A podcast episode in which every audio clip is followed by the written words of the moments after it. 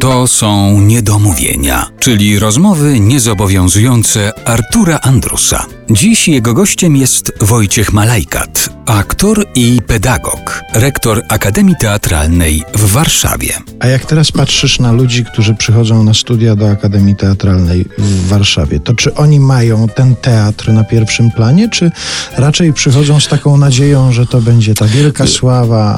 Wiesz co, to bardzo różnie. No oczywiście wszyscy wiemy, ja wtedy nie wiedziałem, ale oni na pewno już to wiedzą, że popularność i blichtr przynosi y, udział w filmie czy w telewizji, w serialach czy w filmach.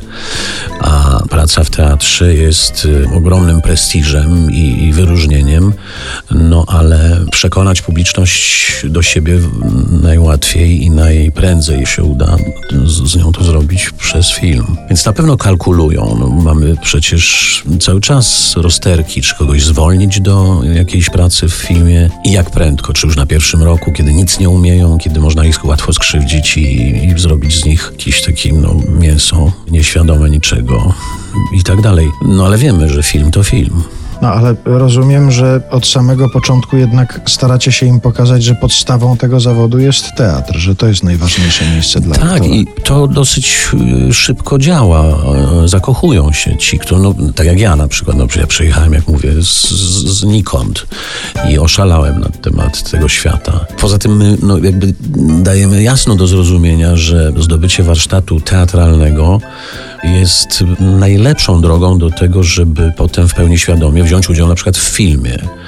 Bo przestrojenie się z, ze środków y, teatralnych na filmowe czy telewizyjne jest dużo łatwiejsze, natomiast ciężko się przestroić z ograniczonego i minimalistycznego prezentowania emocji, bo takie trzeba stosować w filmie i w telewizji, na wyrazistsze, krótko mówiąc, w teatrze jest bez świadomości właściwie niemożliwe.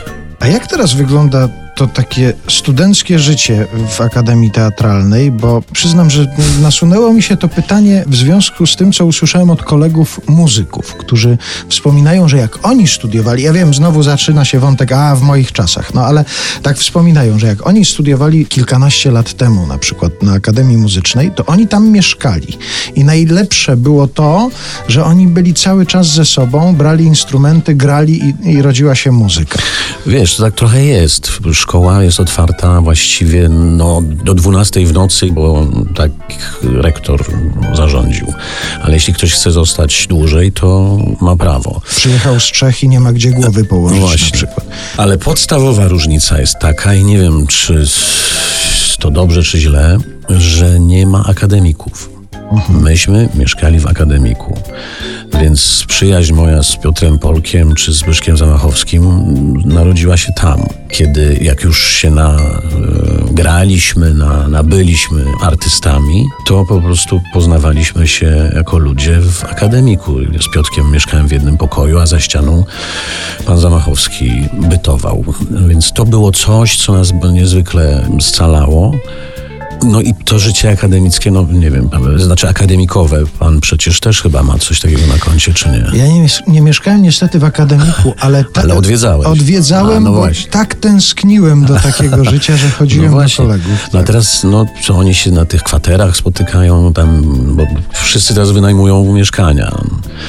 Ja uważam, że to źle. A to może by jakiś ruch odnawiania akademików na przykład No, uruchomić. to jest dobry moment, to dzisiejsza, to spotkanie, żeby się z czymś takim mm, wybrać gdzieś. To rzucamy to hasło w świat. Jeżeli ktoś z Państwa ma jakiekolwiek moce sprawcze, na przykład ma trochę materiałów budowlanych i działkę w Warszawie i chciałby wybudować Najlepiej akad- niedaleko Miodowej, to Tak. zapraszamy.